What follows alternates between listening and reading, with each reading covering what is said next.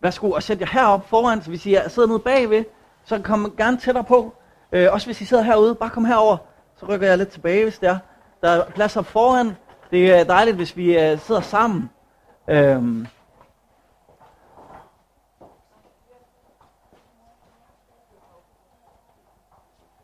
Det er smukt. Jeg, jeg, jeg tør jo godt øh, udfordre jer, derfor kan jeg se, at jeg kender jer alle sammen godt. Øh, det betyder jo også, at I øh, sandsynligvis kender hinanden ret godt. Øhm. Har I øh, fået læst Jefterbrevet? Ja. Er der nogen, der, der, har, der har noget, som de tænker, det der, det var vigtigt for mig lige at opdage. Det er meget skoleagtigt, men det kan vi godt lide i dag.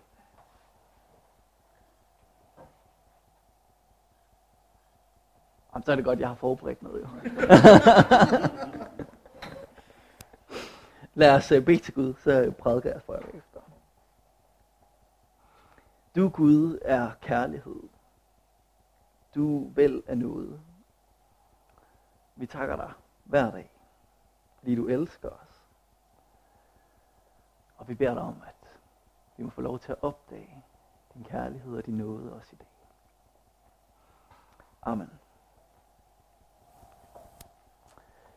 Øh, min kone, Bitten, hun er jo øh, nærmest kun skin og ben. Han har ikke to øh, gram fedt på kroppen. Og øh, en dag så sagde hun til mig, altså jeg tror jeg har tabt mig. Man, man kan se mit hjerte. Og så øh, vidste hun mig, at øh, lige der under brystkassen, så kunne man se hendes hjerte, det slog simpelthen ud igennem huden. Det stod bare banket, tikkede derud af.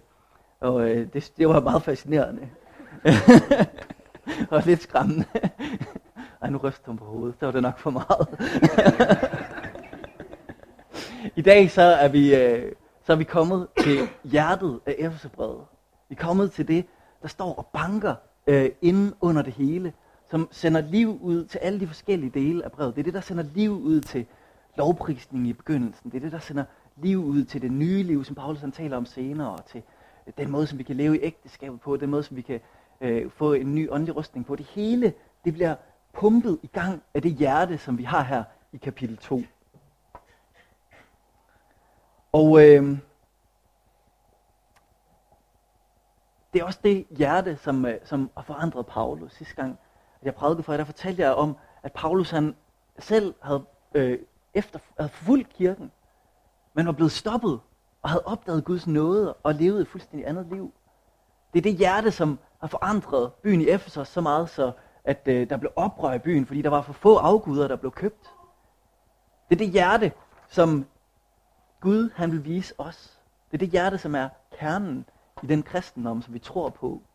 Det er det hjerte, som det hele det drejer sig om, når vi mødes til Guds tjeneste, så er det det hjerte, der slår indenunder, som holder det hele i gang. Det er måske det mest værdifulde overhovedet, og det er måske også det, som er sværest for os at sætte ord på. Så det er det, vi skal prøve at åbne. Og øh, Paulus han, han, han siger det på en meget enkel måde. Han siger, før var vi døde, men nu er vi levende. Han afdækker ligesom det problem, mennesket har ved at sige, at vi er døde. Og vi har lige læst i kapitel 1 om, at Jesus han er blevet opvagt fra de døde. At Guds kraft, den har opvagt Jesus fra de døde. Og så siger Paulus i begyndelsen af kapitel 2, også jer har han gjort levende, jer der var døde.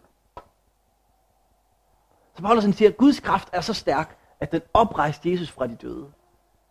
Og ligesom at Gud har oprejst Jesus fra de døde, sådan vil han også oprejse jer fra de døde. Men hvad mener Paulus med, at vi var døde? Fordi vi har jo ikke været fysisk døde, ligesom Jesus var fysisk død og fysisk opstod igen. Paulus han taler om døden i overført betydning. Og det er den der fuldstændig grundlæggende tanke i vores tro, at der er noget galt med mennesket.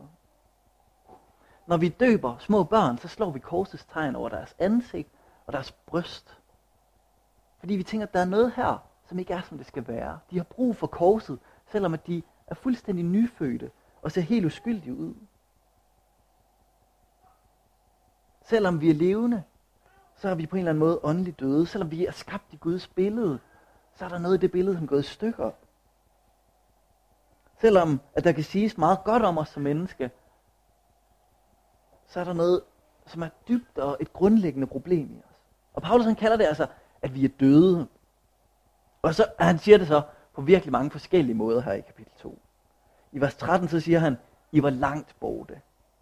I, som var langt borte, siger han. Og når vi tænker på Gud, så kan vi måske godt have den der oplevelse af, Gud han er langt. Han bor nærmest i et andet land. Han hænger over skyerne.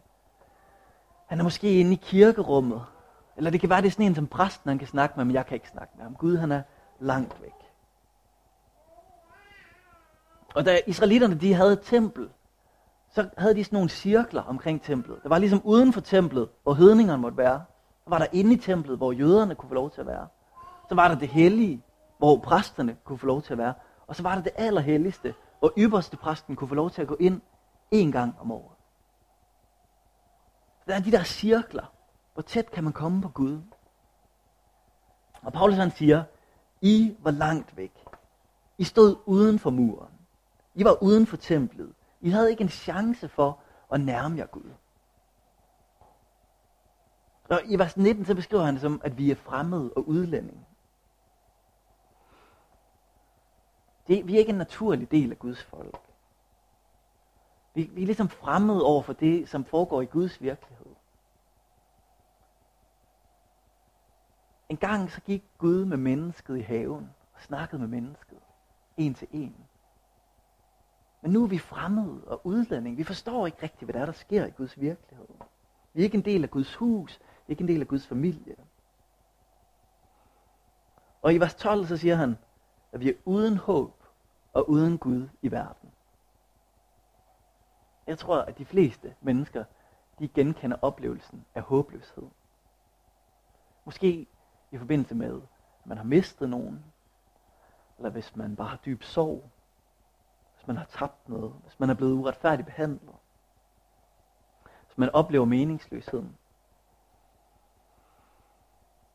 hvis man knækker sammen, eller hvis man oplever eksistentiel ensomhed,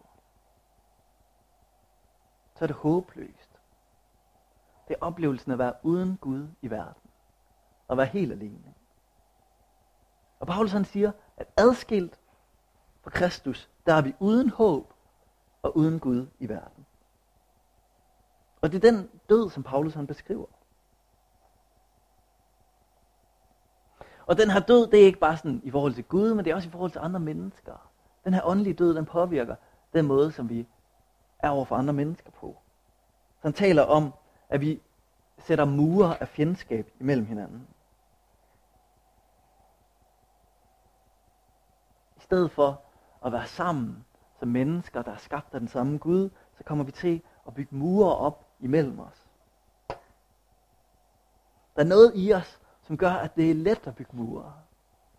Selv over for de mennesker, som vi er tættest på. Vores forældre, i vores ægteskaber, vores børn, vores kolleger, vores naboer. Vi kan så let komme til at bygge mure op imellem os. Mure af fjendskab.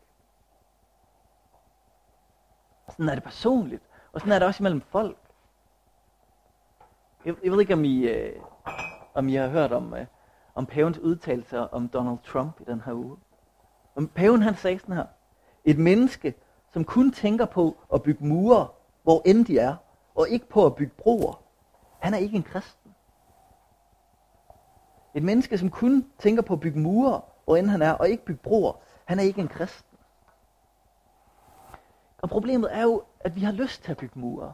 Selvom at vi gerne vil være tolerante og inkluderende og opmærksomme og forstående og alle mulige andre ting, så kan vi let komme til at bygge mure. Når jeg en sjælden gang snakker med en flygtning,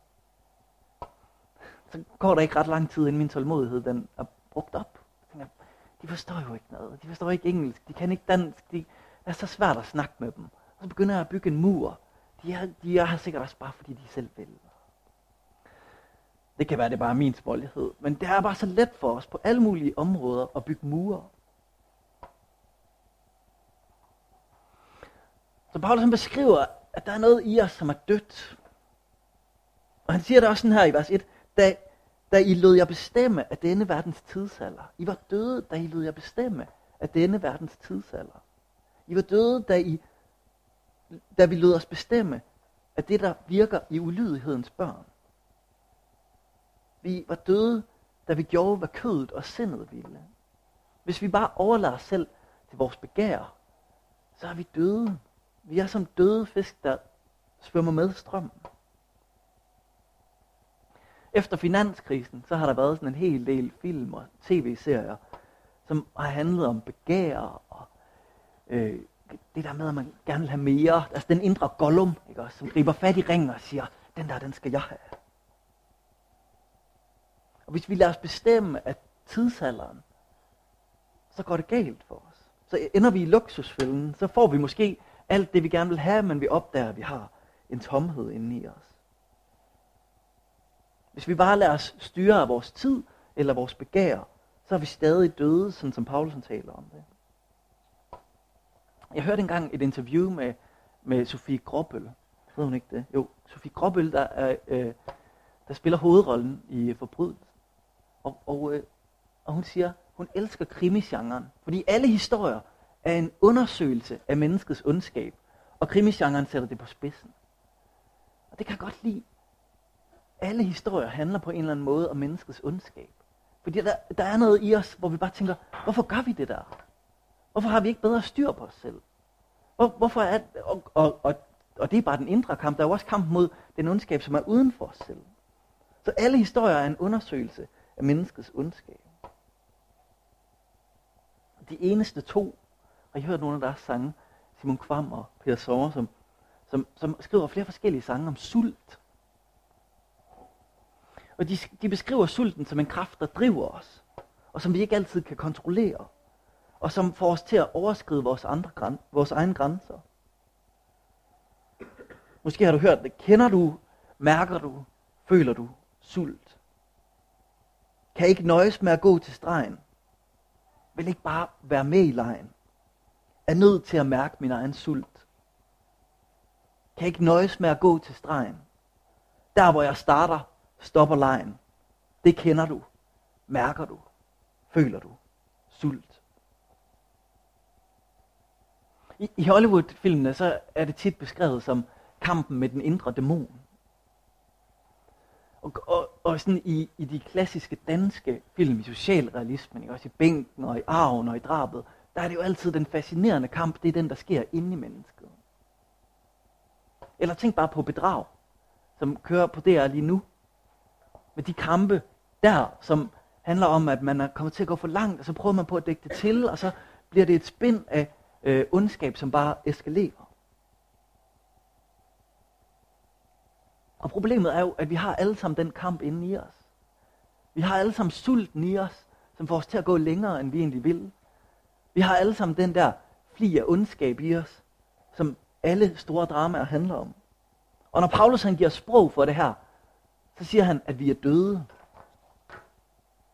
Vi er døde i vores overtrædelser og synder. Og på en eller anden måde, så er det håbløst umoderne at tale om det på den her måde. At vi er syndere. Jeg tror faktisk, at der er en frigørende ærlighed i at sige det på den her måde. Nogle gange, så er der overtrådt i vores liv. Så træder vi ved siden af. Så kan vi ikke nøjes med at gå til stregen. Og vi bærer en åndelig død i os, som får os til at gøre ting, som vi ikke er stolte af. Som vi må bekende. Som vi bedst kan beskrive som overtrædelser og synder. Og Paulus han, han skriver til Efeserne, og så siger han, en gang så var I døde. Og Efeserne de sidder og siger, ja, jeg kan godt genkende det der. En gang så var jeg adskilt fra Gud. En gang så var der mure imellem os. En gang så var jeg langt fra Gud. Jeg var uden håb. Jeg var drevet af det, som den her tid vil. Jeg var drevet af det begær, der er i mig. Og vores overtrædelser, de gør os ikke levende, men de gør os døde. Der er en død i os som mennesker, som er vores egen ødelæggelse. Som er vores indre dæmon. Som er vores egen selvdestruktion. Der er noget i os, som er håbløst og som er langt fra Gud. Og det er ikke det eneste, vi skal sige om os selv, men det er vigtigt, at vi også siger det om os selv. Og derfor er vi døde, som Paulus siger. Og derfor starter vi vores gudstjenester i fasten med syndsbekendelsen. For vi anerkender, at det er en virkelighed i os. Der er noget i os, der er dødt.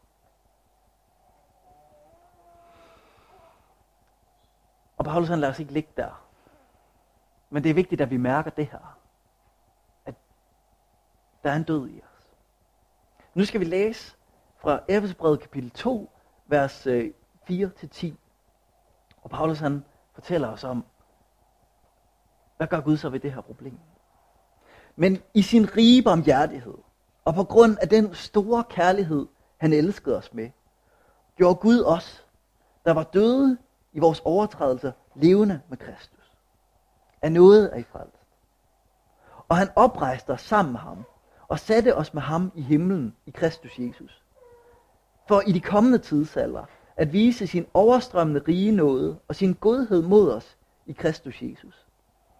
For at den nåde er i frelst ved tro, og det skyldes ikke jer selv, gaven af Guds. Det skyldes ikke gerninger, for at ingen skal have noget at være stolt af. For hans værk er vi, skabt i Kristus Jesus til gode gerninger, som Gud forud har lagt til rette for os at vandre i. Gud er barmhjertig. Gud er nådig. Gud er god. Og derfor så lader han os ikke blive i vores døde tilstand. Gud er den barmhjertige samaritaner, som kommer hen og ser, at der ligger et livløst menneske. Og så tager han det op og tager det med hen til herberget og sørger for, at det får det bedre. Fordi han elskede os, så gjorde han os levende med Kristus. Når vi tror på Jesus Kristus, så er vi blevet gjort levende med Gud. Og det er ikke fordi, vi har fortjent det. Det skyldes ikke gerninger, siger Paulus. Det er ikke fordi, vi har udfyldt ansøgningen korrekt. Det er ikke fordi, at vi har lært at tro på den rigtige måde. Det er ikke fordi, at vi har gjort nogle af de rigtige ting. Det er ikke fordi, vi har gjort det så godt, som vi kunne. Det er fordi, vi tror. Og det er den noget, at vi bliver, vi bliver gjort levende. Når vi tror på Jesus, så det Paulus han siger, det er, at vi er i Kristus.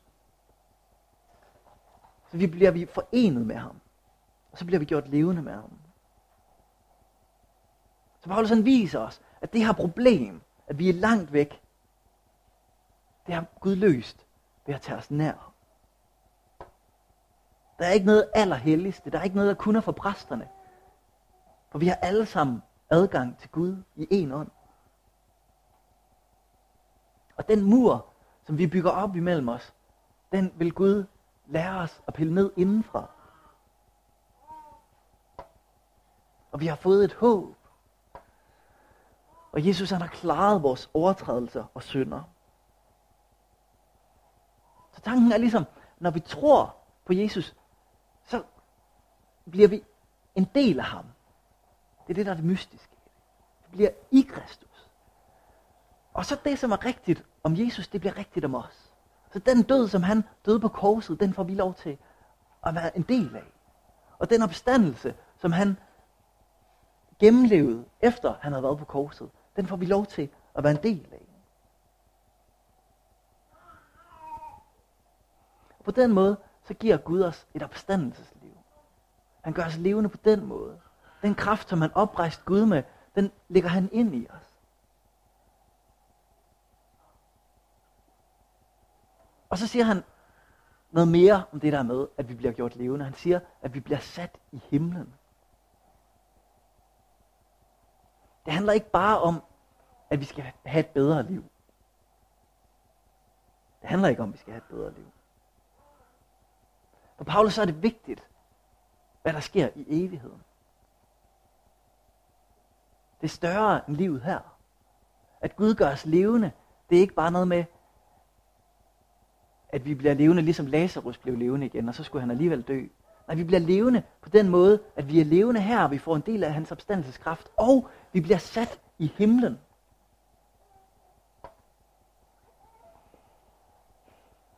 Og det er nok ikke noget, som vi sådan tænker så meget over i vores hverdag. Det er faktisk meget vigtigt for Paulus at prøve at åbne det her for os. At vi kan se, at Guds levende virkelighed, det er noget, som har konsekvenser ud over vores død. Han siger, for i de kommende tidsaldre, ikke bare en, men flere tidsalder i evighederne, at vise sin overstrømmende rige nåde og sin godhed mod os i Kristus Jesus. Og, og hver eneste gudstjeneste, så bekender vi og tror på kødets opstandelse og det evige liv. Gud gør os levende og sætter os i himlen, fordi han vil vise os sin godhed. I salmerne så står der smag og se, at Herren er god. Og Gud han gør os levende på den måde, at vi i evighed får lov til at smage på det. Og Gud han i evighed vil blive ved med at vise os sin kærlighed, sin godhed og sin nåde. Det er bedre end sådan en evighedschokoladefontæne, der bare står og bliver ved og bliver ved og bliver ved. Det er bedre end at tage på skiferie, og, og pisterne er fuldstændig nypræpareret, og man har et pistkort, der aldrig udløber. Det her, det er skaberen, der gør os levende, evigt levende. For at vi skal smage på hans godhed.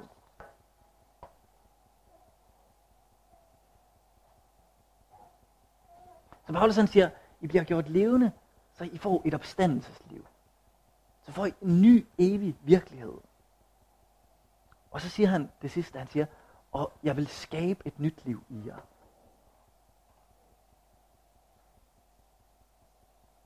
Skabelsens mirakel, det er jo, at Gud han skabt noget ud af ingenting.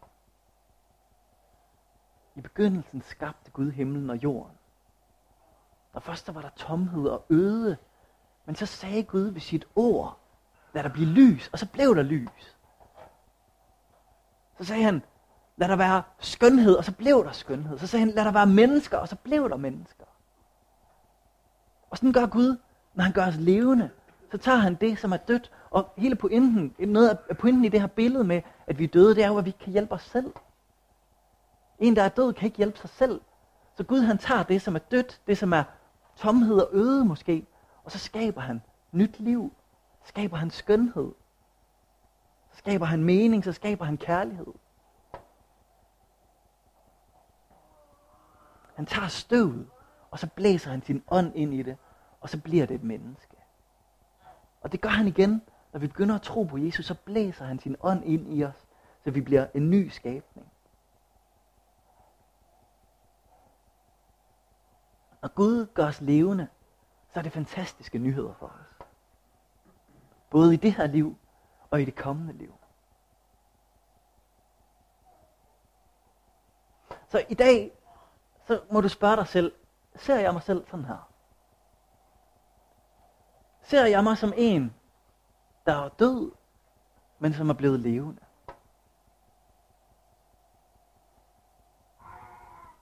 Kan jeg genkende der er noget i mig, som er dødt, men Gud han skaber noget nyt.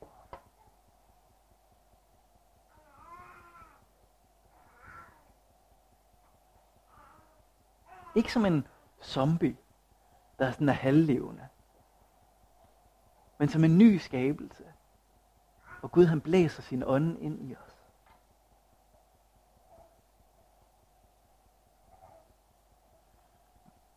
I må gerne komme herop.